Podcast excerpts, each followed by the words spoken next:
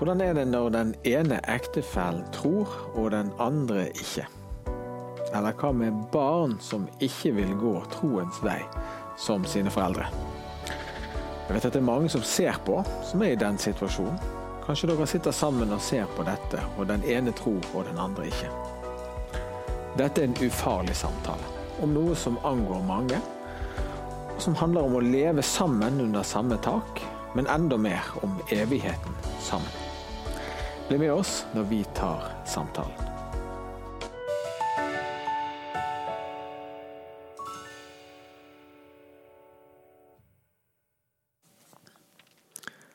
Kveldens første gjest han er kjent for de aller fleste. Det er Truls Olufsen Mehus. Velkommen, Truls. Tusen takk for det. Fint å være her. Denne samtalen har jeg gledet meg veldig til, for jeg har interessert meg sånn for eh, din historie. Eh, og eh, måten du har kommet til tro, og det som har skjedd i din familie. Men for de som ikke kjenner deg, eh, fortell bare veldig kort din vei til kristen. Ja, det var jo en ny prest som flytta til Hammerfest, som hadde sammenfallende hobbyer som meg. Og da ble det sånn at jeg tok kontakt begynte å spille med han, ble kjent med han. Og da skjønte jeg at det var en fyr jeg måtte ta på alvor, og han trodde på Gud. Og over tid så utfordret han meg på å lese Bibelen, og leste Markusevangeliet fire ganger. Og da var det noe som traff meg. At jeg innså at eh, jeg var ikke lenger Det var ikke sånn at jeg lenger trengte å prestere for å bli elsket. Jeg trodde at jeg var elsket avhengig av hvor godt jeg spilte rollen som far, eller som sønn, eller som ektemann. Og eh, men da var det sånn at det ble åpenbart for meg at ja, jeg er elsket uavhengig av prestasjoner, uavhengig av roller, fordi Gud elsker meg. Og det var, jeg, det var fra da jeg begynte å ta. Da tok jeg hele Bibelen på alvor og leste så at jeg skulle forstå min tro. Så sa jeg ja til Jesus i 2016, da. Ja. Før det, hvilket forhold hadde du til troen da? ja, jeg er har tilegna meg eh, fordommer mot kristne. Jeg har lært at kristne er tullinger som har bytta bort fornuften mot tro.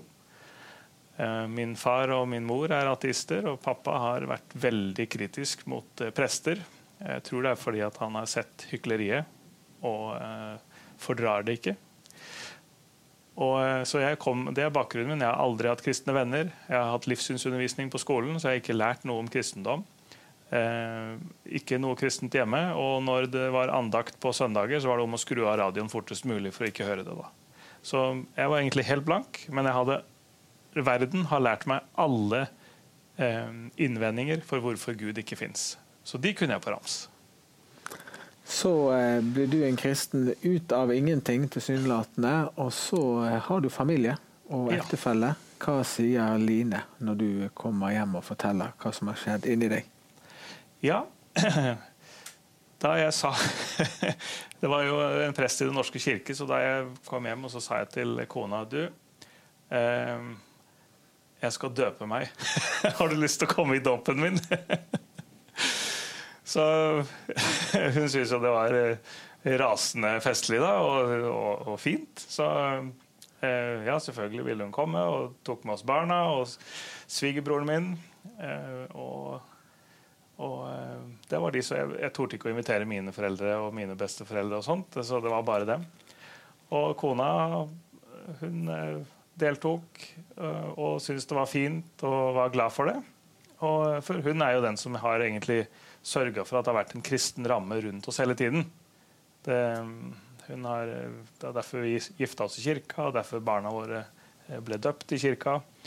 Og, og hun har tatt det med på babysang i kirka. Og det, jeg har jo ikke fordratt altså det, Jeg syns det var helt forferdelig å komme hjem med en CD med masse kristne sanger som hun hørte på høyt og, og sang til barnet. Det var helt grusomt for meg. Jeg synes det var helt forferdelig.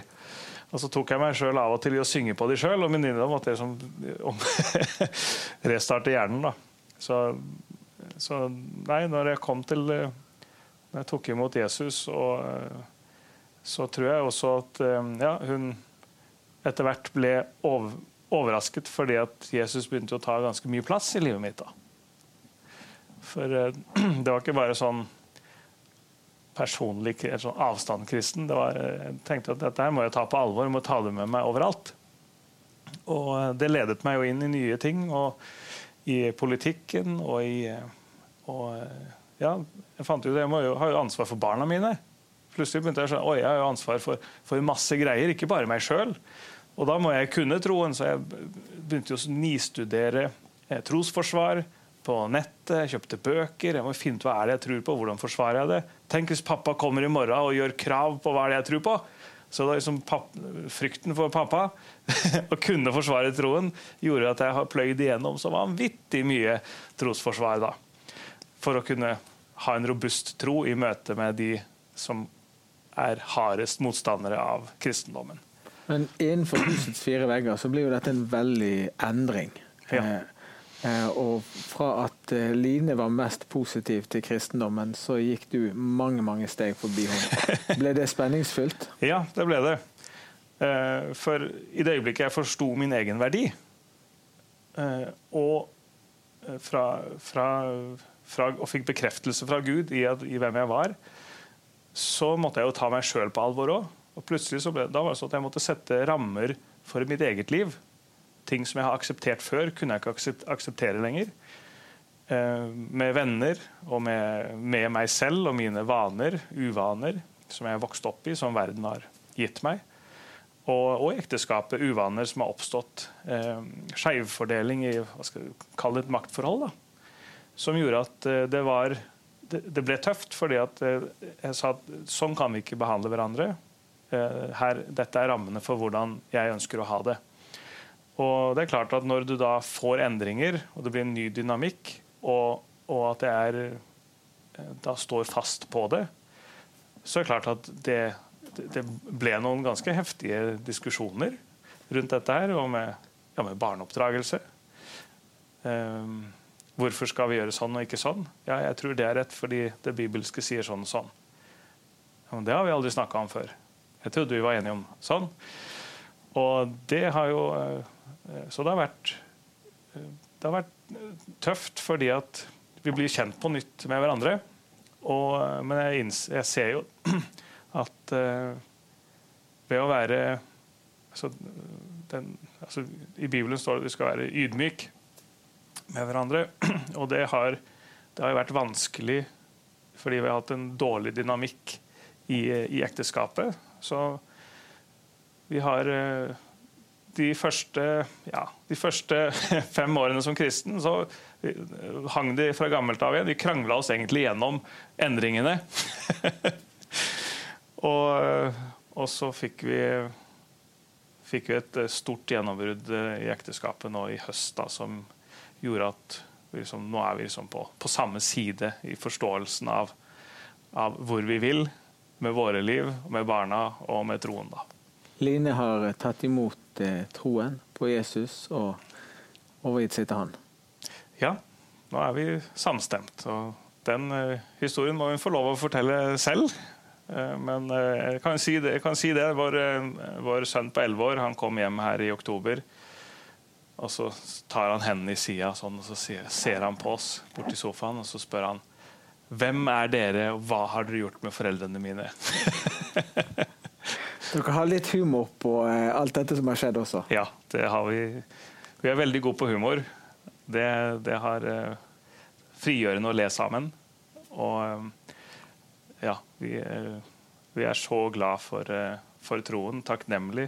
Det som er litt juks, da jeg pleier å si til kona mi, det er urettferdig, for, for hun sa nå plutselig her i høst at ja, men hun hun visste allerede da vi ble sammen som 17-åringer, at vi kom til å være sammen hele livet. Jeg sier ja, du visste det. Hvordan kan du vite det? Da er det jo en hellig ånd som har sagt det til deg. da. Det, det, er jo urettferdig, for jeg visste ikke det. Så, så, du har bare visst det. Og så har jeg rota meg bort i ting og lurt på hvor vi skal, og så har du visst det hele tiden. Hadde vi hatt begreper på det, at jeg tror Gud har åpenbart dette, er sånn, så er det jo klart at da hadde vi hatt en helt annen dynamikk. Så jeg sier at ja, du har vært bombesikker hele veien. Ja, det er Så bra for deg, da. Men det kunne du jo delt med meg. Så vi har hatt noen morsomme eh, situasjoner. Men det har vært tøft, og jeg så ned på hennes tro da jeg ikke trodde sjøl. Jeg syntes det var barnslig, jeg syntes det var latterlig. Jeg, ja, ja. Og, eh, og så nå som det, jeg da plutselig går så langt og tror, så hardt at vi må ta det inn overalt, så er det klart at det, det tar tid. Og så har man jo en stolthet i seg selv. Man vil finne det ut på egen hånd. Og hvis partneren, altså kona eller mannen din, eh, er jo der det er vanskeligst. For da tror den andre at nå skal du overbevise meg, overtale meg til tro. Da er jo motstanden enda større. Og Sånn har det vært hos oss også. Så, vært, eh, så Av og til har jeg bare tenkt at Gud, dette her må bare du gjøre, for jeg får det ikke til. det gjorde han. Ja. Fantastisk. Truls, vi skal få inn eh, to gjester til, men eh, mens de kommer inn, så får vi en sannhet fra Linda på Sanning samtalesenter. Se her.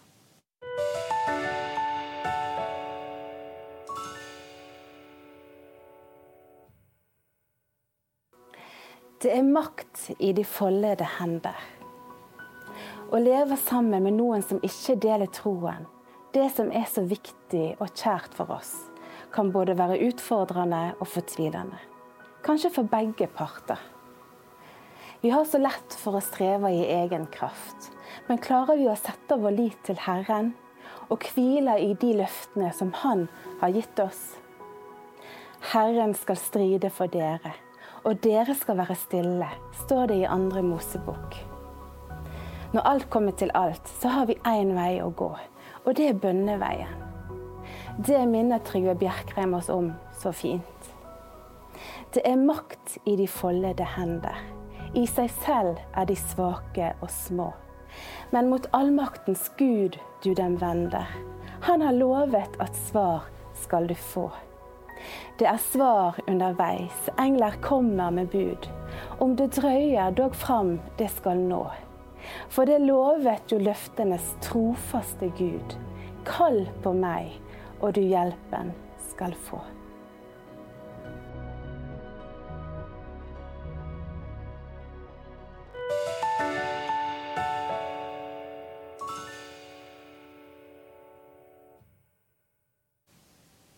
Ja, velkommen tilbake. Vi har fått inn eh, to nye gjester. Tanja Rønhovde og Maria Lindland. Velkommen.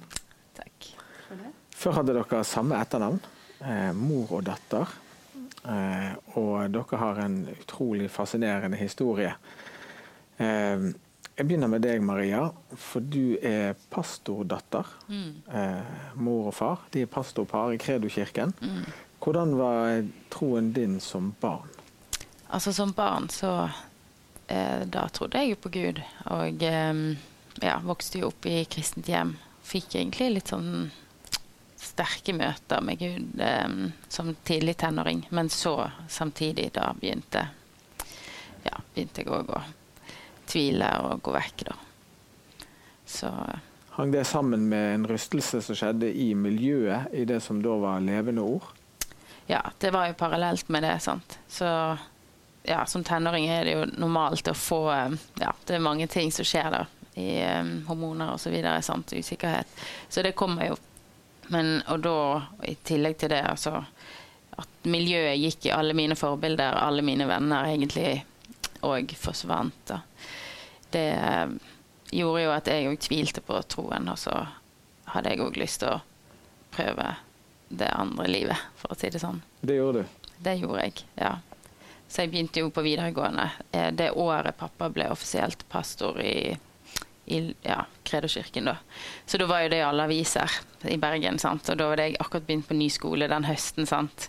Og det var det første jeg ble møtt med. liksom Alle sånn Er du kristen? Er du, er du, er du datteren til han som har tatt over den kirken? sant? Den jo, hadde ikke det beste ryktet sånn utad, sant? for de var jo på TV og sånn. Så da hadde jo jeg veldig behov egentlig for å bare finne meg sjøl og ikke være en del av det, da ikke bli liksom identifisert med det. Så da gjorde jeg egentlig opprør, rett og slett, mot eh, ja, troen, da. Ja. Tanja, da var det ikke så kjekt å være mor og far i den situasjonen. Fortell om din opplevelse av den fasen til Maria. Ja, den var jo vanskelig. For uh, Maria var jo virkelig en leder i, uh, i ungdomsmiljøet. Og jeg husker hun satt i telefonen og snakket med sine venninner. Du må komme på møte, du må være med Jesus. Du må liksom være så brennende. Så det ble så også da noen da på en måte sklei litt vekk og sånn, så Hun sa jo ikke til oss at hun ikke ville være frelst, sånn, men så fikk vi jo høre litt sånn at folk hadde sett henne på byen. og Hun skjulte det egentlig for, veldig godt for oss. Hun trodde at vi kom til å dømme henne. Eh, det har vi jo snakket om etterpå, mm. og, og, og, funnet ut av at det er jo noe som vi aldri ville gjort. Så, men eh, det, det, er jo så smertefullt, da. Fordi du vet jo at det, det er mye der ute som kan skade seg òg. Og du vil jo som ha de i, uh, i, menigheten og vokse opp med kristen tro. Og det er så veldig mye positivt med det. Ja. Da kommer vi inn i det som angår sikkert mange som sitter og ser på. Eh, barna vil ikke tro. Eller Maria vil ikke tro. Søsteren Rebekka vil ikke tro. Eh, hvilke tanker og valg gjorde du og Olav da? Hvordan skal vi møte barna? Mm. Nei, altså vi bestemte oss jo tidlig for at vi Da var vi jo pastorpar. Jeg var jo jeg var ikke kommet skikkelig gjennom i mitt liv, sånn, så jeg var jo så bundet. Så egentlig så sa jeg at jeg var sykepleier i menigheten, eller jobbet på sykehus. Og Olav var pastor alene inntil 2015. Men sånn så hjemme, så var det jo liksom For det første så var vi foreldre. Og uh, vi uh, Ja. Det ville vi være for, uh, for, barna våre, og ta vare på de sånn som vi kunne. Så vi, vi var jo på turer, og, og vi bygget oss hytte på Kvamskogen og hadde god familietid. Og, så vi, vi, gjorde liksom det vi kunne for å få gode stunder sammen. Og så er det dette med bønn. Sånt, brukte jo tid for å be for de, og, og prøvde jo å invitere på møte. Og ikke alltid det var vellykket, men ja, du, du, brenner jo liksom for dine at de skal ja, gå den samme veien. Ja, og Da er jeg spent på hvordan du opplevde den fasen. Du hadde tatt avstand fra troen, og du var på byen og levde livet. Så visste du at mor og far ville ikke det. Hvordan syns du de håndterte, og, og hvordan opplevde du den fasen? Jeg syns jo at dere håndterte det veldig godt.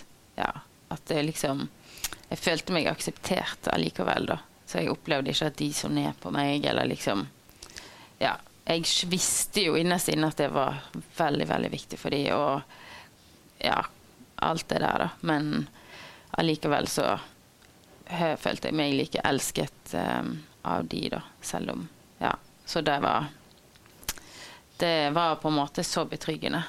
Og da kunne jeg òg være ærlig, og jeg gjorde jo litt opprør hjemme òg. Startet litt diskusjoner og sånn, sant. For det Sånn jeg er kanskje litt, litt sånn Ja, har behov for Røske litt i ting. Så ja, så jeg ehm, Ja, men de håndterte meg veldig fint, syns jeg, da. Mm. Du nevnte bønn, eh, Tanja. Truls, mm. du eh, i, i ditt forhold til din kone. Hvordan eh, tilnærmet du deg det at du ville at eh, hun også skulle dele troen? Ja, det var jo det, den motstanden at jeg, jeg, jeg ville jo jeg, Se jo dette bibelverset her. Sende henne linker. Se denne her TikTok-videoen. Se den ja, Det var jo det var, det var ikke sjans. Da, og da, ja, ja, da, hva er det du har da? Ja, da har du bare bønn, da. Så ja, jeg, jeg ba om at, jeg ba om at, eh, at eh, jeg skulle få tålmodighet. og, ja, og at Gud skulle åpenbare, åpenbare sannheten da, på den samme måte. At vi ser det samme. For jeg tenkte det skal jo ikke være sånn her at vi ser verden ulikt. Det er jo ikke det det er ment til. Og, men jeg kan ikke gjøre noe eller si noe for å tvinge dette gjennom. Så det eneste jeg kan gjøre, er å gi mer tålmodighet og mer kjærlighet og jobbe på meg sjøl. Og, og, det gjorde jeg, og den, det må jeg si da når jeg opplevde å bli møtt på det, og jeg torde å åpne mitt hjerte for alvor igjen også, så, så plutselig begynte jeg å kjenne på ikke bare kjærlighet igjen, men da plutselig begynte jeg å kjenne på en masse andre emosjoner òg. Så jeg er jo i en prosess med å lære å håndtere de. Ja. Tanja, eh, dere eh, har fortalt eh, at dere var veldig tydelige på at dere ville stole på Gud i denne prosessen. Olav mm. sier han var aldri i tvil om at eh, barna skulle komme tilbake. Mm. Eh, det er kanskje mange som ikke har det sånn. Mm. Eh, og det går litt tid. Det gikk jo ti år fra Ja. Maria falt fra troen til hun kom tilbake. Hvordan eh, klarte dere å være tålmodige og holde troen oppe i den lange tiden? Mm, det et godt spørsmål.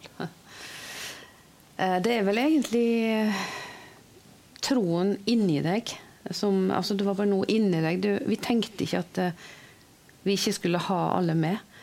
Så jeg vet ikke, det var sikkert bare en sånn eh, overbevisning som bare var der. Og så var vi jo veldig opptatt i menigheten, sant? og vi, vi levde jo våre liv med Gud. Og Gud gir jo tro og håp. Så det å liksom å være i, i samfunnet med frelste og, og i kirke og sånn, det er vil jeg virkelig si, det er kjempeviktig. For å trekke seg bort og tro at en kan stå alene med troen, det, det En blir ganske fattig, altså. Så det, det var en, en veldig styrke. at Vi var alltid på søndagsmøte.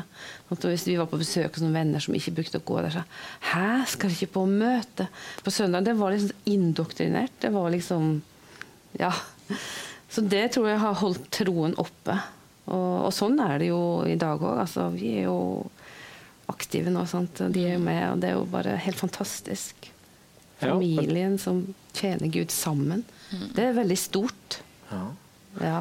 Og da må du fortelle den siden av historien, Maria. Hvordan var din vei tilbake til tro?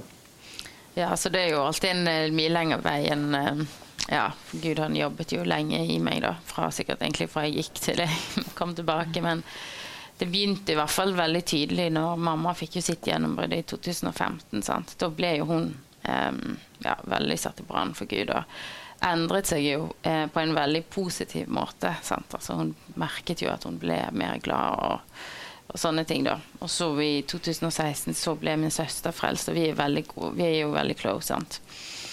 Så det gjorde veldig mye med meg at hun ble frelst, da, og alt som skjedde med hun.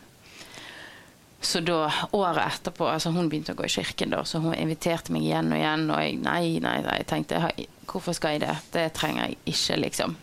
Og mamma spurte meg, og jeg husker jeg ble sint på henne altså, når hun spurte meg. Og jeg ble litt sånn overrasket sjøl liksom, hvor det sinnet kom fra. Vi kunne ha en veldig hyggelig samtale. Og så spør hun ja, du vil ikke bli med i kirken i morgen, da. Så plutselig kommer det nesten en sånn brøl fra meg. liksom, Nei, skjønner du. Og etterpå kunne jeg liksom kjenne Oi, ble jeg så sint for det spørsmålet? Det var veldig rart, liksom. Så ja, så de på en måte var jo veldig tålmodige og spurte og spurte. Og det er veldig viktig faktisk å ikke ta det synlige for øyet, fordi det er så mye som skjer på innsiden likevel. da. Og det var det jo for meg. sant? Jeg husker jo veldig godt sånn som den hendelsen at jeg å, fikk dårlig samvittighet for at jeg ble så sint. Og, og min søster spurte meg igjen og igjen og igjen. liksom. Og, og så ble jeg liksom mer og mer klar, sant? men utad var jeg veldig nei. sant? Men på innsiden lengtet jeg, jeg ville jo bli med, sant? men stoltheten sto jo i veien for meg. Jeg tenkte liksom, Så da var jo det at da den kirken vi gikk i da var i byen, da, så da ja, lagde vi en avtale at vi kunne gå på kino etterpå. Så det var liksom min sånn Da kunne jeg late som jeg ville egentlig ikke bli med. Jeg ville jo på kino, sant. Men jeg ville jo kjempegjerne bli med i kirken, sant. Så da ble jeg jo med, og så Og så denne uken som kom, da, da kjente jeg å, jeg må gå igjen. Jeg er nødt til å gå i kirken denne uken som kommer òg. Men da var, skulle jo ikke hun, så jeg måtte gå alene. Men jeg hadde ikke noe valg. Jeg var nødt til å gå. Og da um, da hadde jeg med meg en venninne. da Vi hadde vært på byen liksom, dagen før. Og jeg spurte henne liksom, på nattbussen på vei hjem om vi skulle dra til kirken i morgen. Så dro vi da i kirken, og, så, og da fikk pastoren et ord til meg foran hele forsamlingen. Det var ingen som visste at det var til meg, men han talte ut og sa liksom nå har du vært lenge vekke fra Gud. Nå er det på tide å komme tilbake. Og i det han sa det, jeg bare visste at han, det var Gud som snakket til meg. Og jeg måtte omvende meg, jeg ikke bare skjønte alvoret da. Mm. Du eh, sa ikke det til foreldrene dine umiddelbart. Eh, fortell Tanja om hvordan du oppdaget hva som hadde skjedd. Ja. Da kom jeg jo på besøk i leiligheten til Maria. Og eh, plutselig så var det jo full lovsang i leiligheten. Og jeg, eh, jeg, jeg forsto ingenting. Så liksom er Hva er det her? Jeg tror jeg sa det til deg. Hva er det hva er som skjedd? så det var, eh, det var stort sjokk. Jeg måtte klype meg i armen. Er dette sant, liksom? Ja, mamma! Husker du sa. Ja, mamma! Det er sant! Ja. Og du kan tenke deg hvilken glede eh, det var for meg. Og sånn som Maria sa, at jeg kom jo igjennom i 2015. Og da skjedde det noe endring med bønnelivet mitt for forhold til familien. Da, da satt jeg timevis altså mange ganger og ba og søkte Gud. Og en helt annen ro over det, liksom. Og jeg er helt sikker på at det å ga en frukt inn, altså mm. sterke bønner fra foreldre, å, det er så viktig. Mm. Mor og fars og, bønner sammen mm. og hver for seg. Ja, og Det er jo interessant at du sier at det skjedde noe med deg. Mm. Og det ble viktig eh, med tanke på det som skulle skje med barna. Ja. Din historie handler jo egentlig bare om det, Truls. Det var jo du som kom først. Eh, hva tenker du om det, at eh, Gud gjorde noe med deg, og så har familien kommet etter? ja, når jeg har snakka med kona om det, så sa så hun sier jo ofte treffende ting, og sa ja, men det var jo du som trengte det mest. og du så, Gud, det var du som måtte fikses mest på. og det har hun rett i. Du er enig i det? Ja, ja, det er jeg helt enig i. Så er det et veldig godt poeng. Så, så, da trengte jo ikke Gud å bruke så mye tid på de andre. Det, men det var liksom jeg som trengte å rekalibrere hele mitt virkelighetssyn. Du har jo snakket nokså åpent om det. Kan du bare fortelle kort om det? Hva var det som måtte skje i ditt liv? Hva var det du liksom måtte ja, Hvordan kom dette til uttrykk for de som var rundt deg? At noe var annerledes? Ja, det er jo eh, Det som ble endra, var jo først så forsvant misunnelse. Altså det, og jeg har vært misunnelsesdrevet i alle ting, med status og Hvis noen fikk skryt en annen plass i rommet, så kjente jeg det stakk i brystet. Å, jeg vil også ha den. ikke sant? Det er urettferdig. Um, uh, og det ble borte av seg selv. Jeg trengte ikke noe aktiv omvendelse. Jeg sa ja til Jesus, og så bare forsvant det. Og det andre var jo uh, et par år etterpå så oppdaga jeg at oi, hvorfor er neglene så lange? Og jeg slutta å bite negler. og jeg har bitt negler hele livet. Ikke? Jeg tenkte i all verden å begynne å klippe negler. Det har jeg aldri gjort før. I en alder av 37 år klippe negler for første gang. Og bannskap ble borte året etter der igjen. Og jeg er jo vokst opp i Finnmark og Hammerfest og er like grov i språket som alle andre. Og, eh, og det ble borte uten at jeg egentlig ventet. Men det var, kjentes på et eller annet tidspunkt kjente unaturlig å si disse banneordene. Mm. Og, eh, ja, og så etter hvert så var det jo Jeg er jo vokst opp eh, i det verden har å tilby, så plutselig så, så var det sånn at jeg aktivt skjønte at ja, jeg har en del bagasje med dårlige vaner. Jeg vokste vokst opp med pornografi, og det har fulgt meg hele livet. Plutselig ble, ble, klarte jeg å vende om fra det. Og det siste da, som var den største bøygen, det var uh, å vende om fra alkohol. Som jeg har vært en storkonsument av gjennom hele mitt voksne liv og ungdomslivet. Og har vært fri fra det nå i ja, tre av de siste fire årene. da.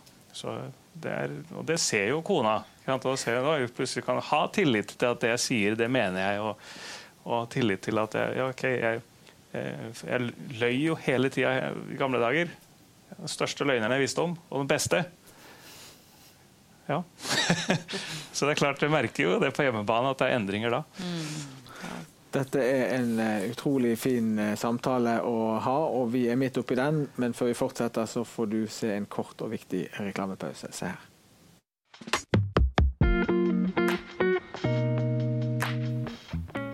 For at du ser på programmet vårt. Og hvis du liker det vi gjør, så vil vi invitere deg til å være med og støtte oss. For vi kan bare gjøre dette så lenge seerne holder oss på luften så send gjerne din gave på VIPS 76 38 05. Så er du med på og hjelper oss til å gjøre disse programmene, men òg å skape nye. Så takk for din støtte på VIPS 76 38 05.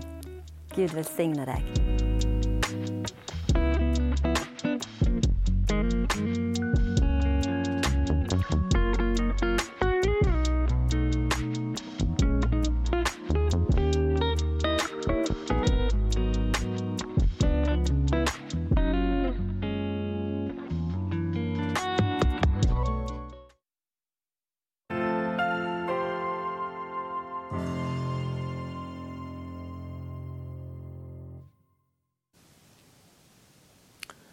Ja, Det er jo to kryssende fortellinger her, eller kanskje tre, i, i denne samtalen. Jeg vender tilbake til deg. Jeg, eh, Eh, Maria, fortell om eh, tiden etter at du tok imot Jesus i 2016. Eh, hvordan ser troen din ut i dag? Ja, så Det er jo en reise selvfølgelig da, å gå fra ja, å ikke være frelst til å være, bli frelst, sånn som du forteller, Truls. Og, så jeg måtte jo omvende meg fra veldig mye. Sant? Jeg var jo vant til å feste veldig veldig masse og bare liksom, å holde på sånn mange ting som selvfølgelig jeg aldri gjorde hjemme, men sant? det vi gjorde med alle andre. da. Men eh, fort så ble jo de tingene tok jo Gud tak i de ganske fort. Altså, ja, plutselig sant, å drikke som var, Jeg hadde aldri hatt angst eller liksom, dårlig samvittighet for å drikke før. Men plutselig kunne jeg ikke gjøre det mer. Sant? Jeg fikk så angst dagen etterpå at jeg måtte jo bare slutte liksom, å banne. Og det ble jo slutt på veldig fort. Sant? Og eh, ja, jeg snuste jo, var jo avhengig av snus i over ti år. Jeg hadde prøvd å slutte så mange ganger. Men så sluttet jeg eh, sammen med Gud og måtte kjempe litt sjøl samtidig som han fikk mye hjelp. Og så plutselig hadde jeg glemt det. Jeg hadde bare glemt at jeg, jeg noen gang hadde snust. Jeg hadde ingen avhengighet lenger. Så det var jo helt fantastisk.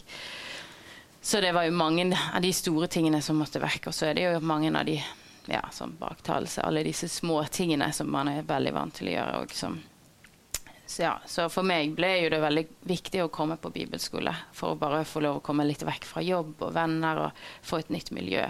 Sånn at jeg kunne få litt fred til å søke Gud alene og lese Bibelen i masse da, og ikke være så, bli så forstyrret. Så det var jeg jo to måneder i Afrika. Uten eh, strøm og internett og vann. altså alt, egentlig. Og der fikk jeg bare så Jeg ble så godt kjent med Jesus. Så så da var jeg jo Mamma sa jo det når jeg skulle komme hjem, at jeg, du kommer til å være en ny person når du kommer hjem. Og jeg ble jo redd når hun sa det. Hva betyr det? Jeg vil ikke bli en ny person. Men jeg var jo det, da. Jeg var jo det når jeg kom hjem. Jeg var jo en ny person, sant. Og da var jeg jo mye mer frimodig i jobb og med venner i alle um, settinger. Så kunne jeg virkelig reise meg i, i det jeg trodde på. Jeg var ikke redd for å, hva de tenkte lenger, da. Så um, ja, og nå er jo, jeg, er jo jeg med og leder i pastor i Kredo-kirken for de unge voksne. Og brenner jo selvfølgelig veldig for den aldersgruppen fordi det var der levde jeg lengst. Eller der har vi jo levd nesten hele mitt unge voksne liv, eller ja, i hvert fall frem til jeg var 27 da, i verden. Og jeg vet så mye ja, om det, da. Så jeg brenner jo selvfølgelig veldig for de, for jeg vet at det beste livet er jo med Jesus. Det, du blir bare lurt hvis du tror noe annet. sant? Og du eh, lever nå sammen med din mann, Lars mm, Martin, mm. og eh, to barn.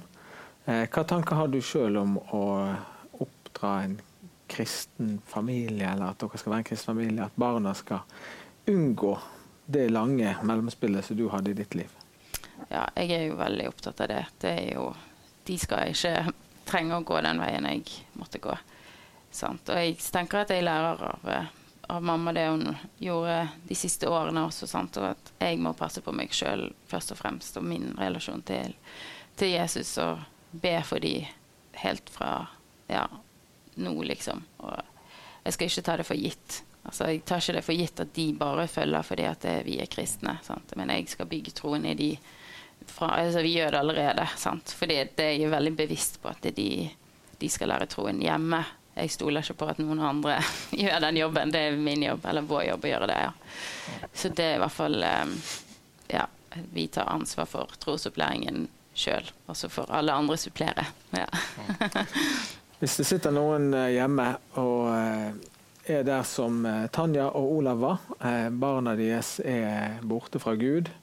Um, har du noen tanker om hva de bør gjøre? Har du noen råd eller noe som uh, de kan anvende i sitt liv med tanke på sine barn? Så det første er jo å eh, ikke miste motet. Altså, vi må ha håp og tro. Sant? Så be Gud om, om å få det. Liksom, hvis man kjenner at man har mistet motet og ikke ser noe, det har gått mange år da. Men det er ikke Guds Han vil ikke at vi skal miste motet. Han har jo håpet. Han, han, tror jo på alle. Så det er jo det første, for det er utrolig viktig hvis, hvis foreldrene mister troen på at barna skal bli frelst. Sant? Og hvem er det igjen da? Sant?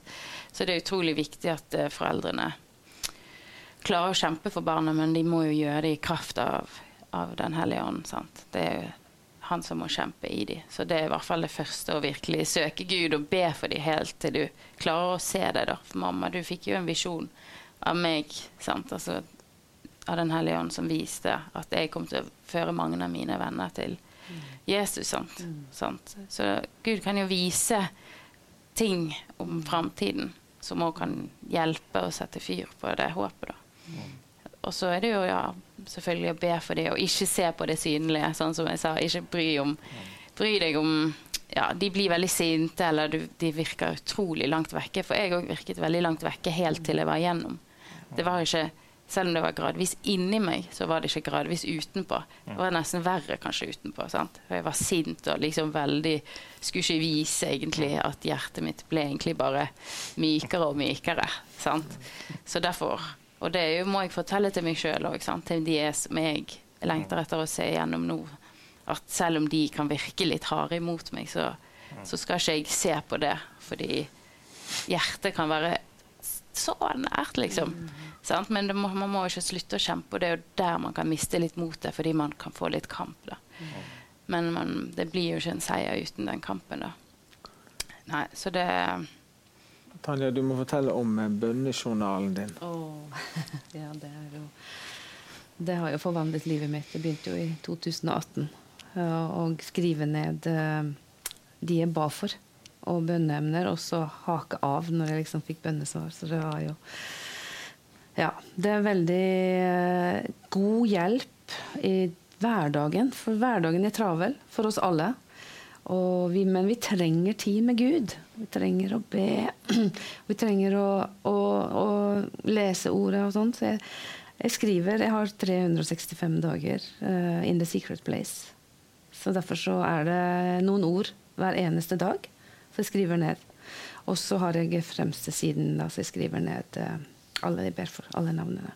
Og hvis jeg har det travelt, sant, som jeg noen ganger har det, så bare legger jeg hånden min opp på alle navnene. Så bare sånn, Jesu navn, berør disse, Herre. Legg din hånd på dem. Det tar meg ti sekunder, og jeg er overbevist om at Gud rører ved dem. Mm. Så det er eh, Jeg har solgt hundrevis av de der. Det er, eh, jeg brenner veldig for det der. Og ved siden av Maria sitt navn så står det noen hake. Der står det en hake. Og Rebekka er det hake, og vi venter på enda flere. Det som skjedde med meg når jeg kom igjennom, var jo at jeg fikk plutselig Oi, jeg har faktisk noen jeg skal vinne, noen som Gud har gitt meg. Det er Kretsen rundt meg, slekten og familien ble mye mer levende. Så jeg fikk på en måte et, jeg følte ansvaret til å dele evangeliet ble, ble åpenbart. da. Det var litt mer diffust før. Så ja. Men det er jo en glede å få jobbe for Guds rike de, for dine nærmeste. Mm. Truls, nå skal du eh, og Line oppdra en kristen familie. Hvordan har det forandret seg, eh, perspektivet på de årene? Ja, det er, eh, det er jo dette fokuset på sannhet og kjærlighet og tilgivelse. Og det er jo altså, jeg, jeg vokste opp uten noen kristne. Og da jeg kom til tro, så lurte jeg på hvem er de kristne forbildene. og De siste årene så er jeg jo velsigna med å bli kjent med Tone Lise og Per Christian Gustavsen, som jeg jobber med. Og jeg, det, det, ekteskapet de har det, Når jeg så det første gang, tenkte jeg å, det der vil jeg ha også. Hvordan får dere til det? Og det samme hvordan de tenker med oppdragelse og med med hvordan, hvordan, du kan formidle dette livet til barna. Og så så jeg at oi, de har fått det til med sine barn i et spenn fra 9 år til 29 år. Ja, de, de, lever det, og de liksom brennende og, og, så gode. Da tenkte jeg det er mulig, selv om de, de, har gått på kommunale skoler. De har kommet seg gjennom, og de, de har klart dette her. Da tenkte jeg da, da får vi det til òg. Og da ble jeg så oppmuntret og, og glad og ser at eh, eh jeg, jeg, måtte jo jeg knuste jo hjertet til eh, Aurora på sju år og Theodor på elleve år her for en måned siden. fordi at eh, Da sa eldstesønnen min da, sa til dem dere visste det at eh, pappa har dumpa mamma en gang. Og de bare Hæ? Har du det?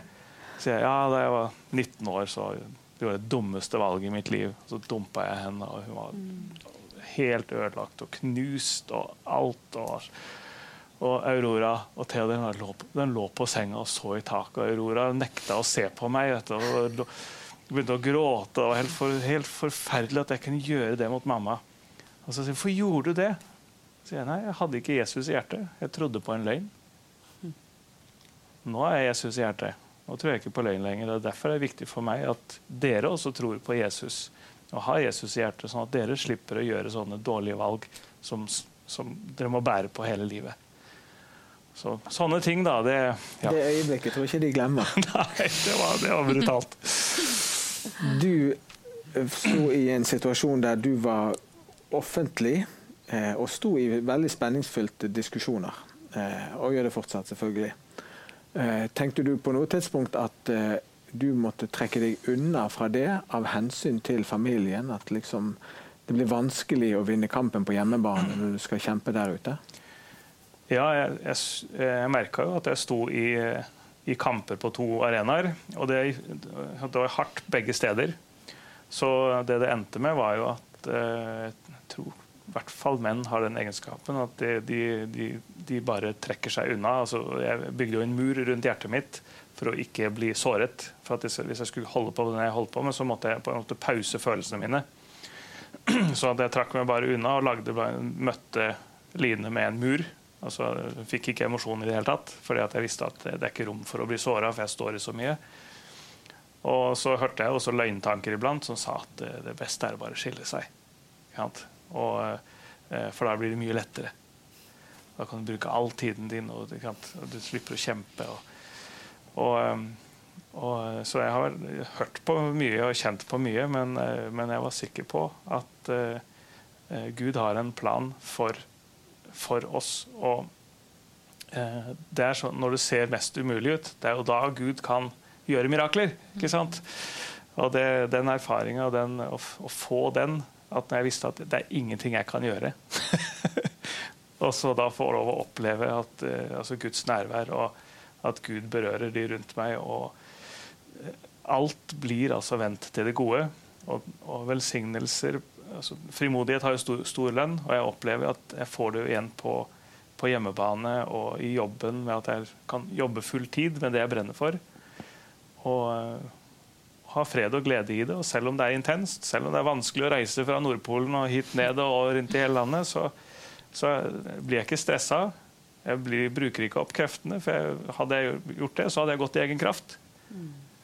Og det kjenner jeg på at jeg er takknemlig for. og som sagt, kona heier på meg, barna heier på meg. og Da trenger jeg ikke at flere gjør det, egentlig.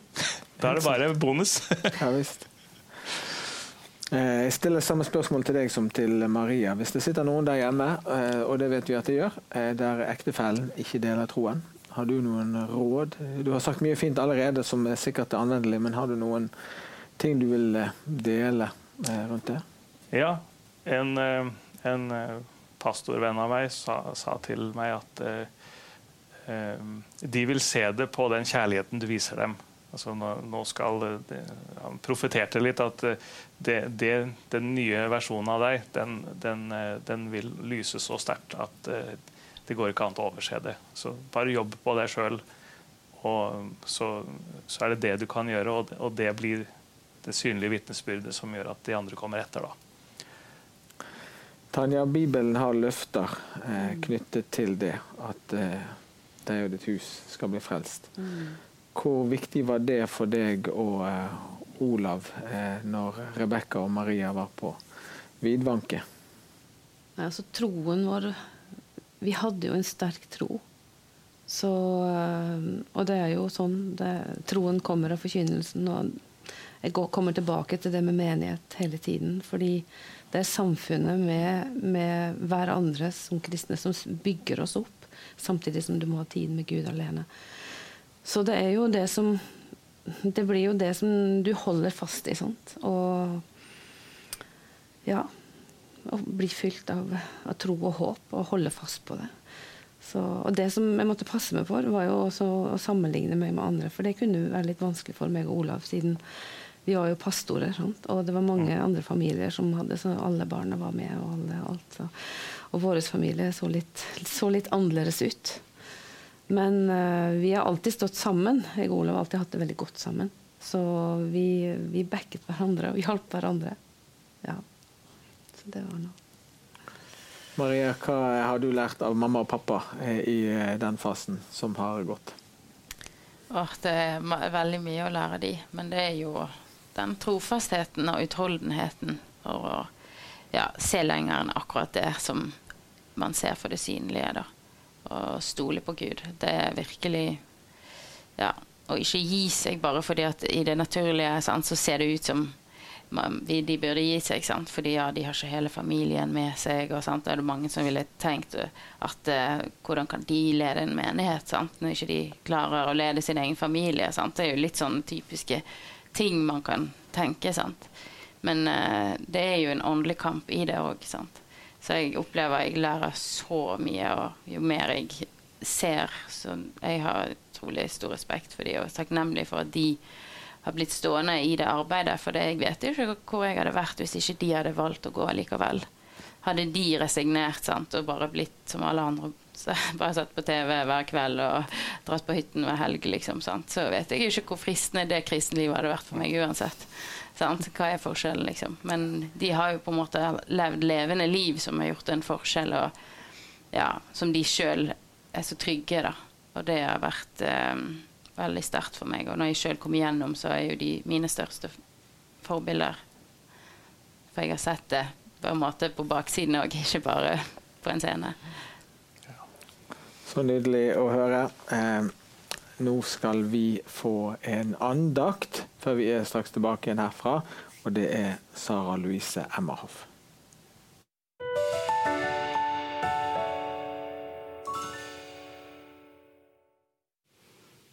Å leve i partnerskap eller relasjon med noen som ikke deler samme tro som deg, det tror jeg kan være en utfordring mange ganger. Når jeg sjøl vokste opp, så vokste jeg opp med to foreldre som var veldig glad i hverandre, og som jeg så og så veldig opp til. De leste Bibelen sammen, lærte oss å be, og kristenlivet deres eh, og troen på Jesus var noe av det viktigste i deres ekteskap. Så dette ble for meg et forbilde og noe jeg ønska meg sjøl. Enn å ha en mann, en ektemann, en familie der vi kan leve troslivet sammen. Men sånn er det ikke for alle. Det fins mange kristne der ute som finner seg en partner som gjerne ikke deler samme tro som deg. Kanskje tror de på ingenting, kanskje har de en helt annen tro og tror på en annen gud. Hver situasjon ser nok litt ulik ut. Men jeg husker for noen år siden så hadde jeg en veldig god kristen venninne av meg som fortalte at hun hadde fått seg kjæreste. Og jeg var så glad på hennes vegne. Og så stilte jeg oppfølgingsspørsmålet men er han kristen? Og jeg forventa jo selvsagt at hun skulle si at ja, han er en flott kristen mann. Men svaret hennes overraska meg, og jeg må innrømme at det òg skuffer meg. For svaret hennes var nei, han er ikke en kristen. Og jeg som hadde forventa at hun skulle få seg en kristen mann, hun som hadde gått på bibelskole, og som var aktiv i menighet, hvordan kunne hun finne seg en ikke-troende mann?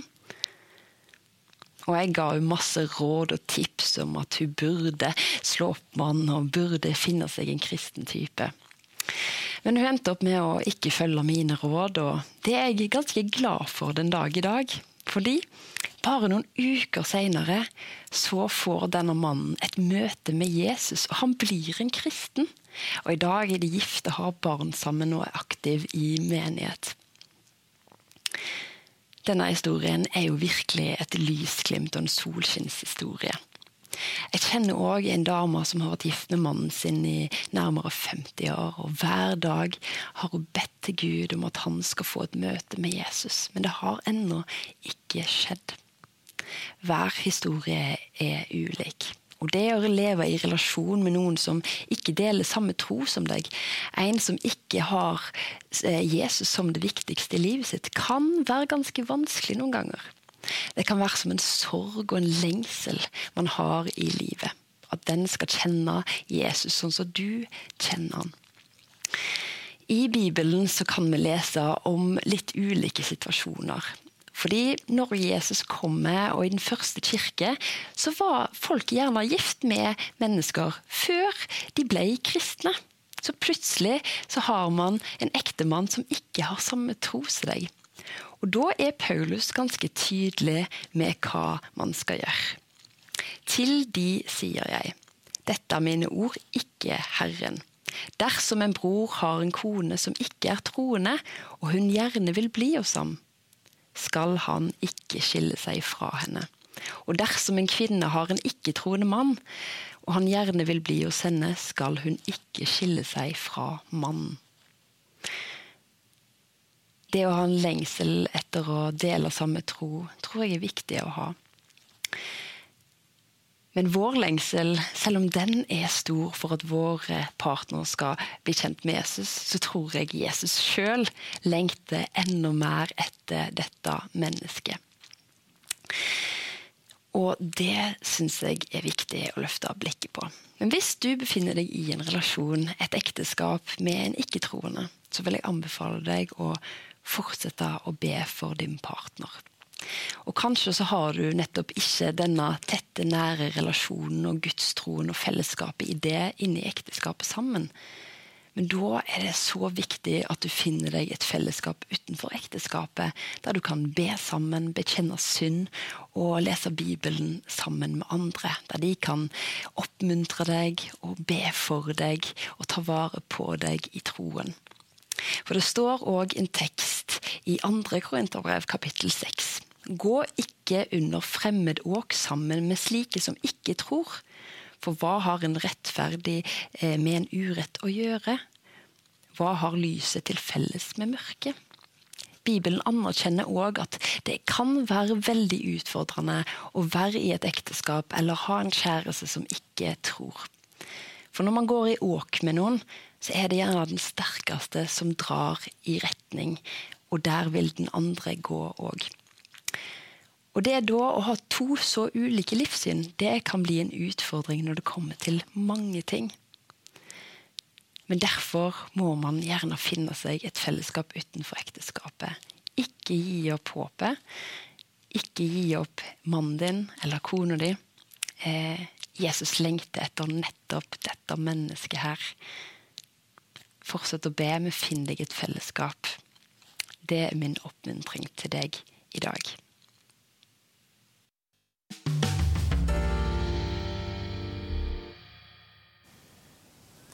Tusen takk eh, for nydelige ord, eh, Sara Louise.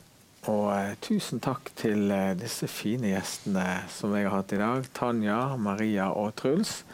Som delte så åpent og så fint og så nyttig for sikkert mange der ute som ber for sine, og som er, står midt i dette som, som disse har opplevd bønnesvar på og gjennombrudd på. Og så håper jeg at hvis dere satt sammen i kveld og var i denne spenningsfylte situasjonen, at dette ble en god samtale å lytte til, og at det kan føre til gode samtaler i deres liv. Linda innledet med å sitere Trygve Bjerkreim sin salme 'Det er makt i de foldede hender'. Jeg fortsetter på samme vis. Du som ber for ditt barn, dine kjære, går i forbønn fra år og til år. Om du tålmodets lekse må lære, himmelsk bønnesvar en gang du får. Det svar underveis, engler kommer med bud. Om det drøyer, det fram dog skal nå. For det lovet jo løftenes trofaste Gud. Kall på meg, og du hjelpen skal få. Tusen takk for at du fulgte denne samtalen. Eh, dette er bare mulig for oss å gjøre eh, fordi at eh, du der hjemme støtter oss i Kristen Media Norge. Så takk til deg som gjør det. Og så er vi tilbake igjen her på tirsdag med Live med venner. Og så vet du at fra påske av så utvider vi til tre programmer i uken. Så vi er inne i en spennende og god fase her. Men takk for i kveld, og på gjensyn i neste program.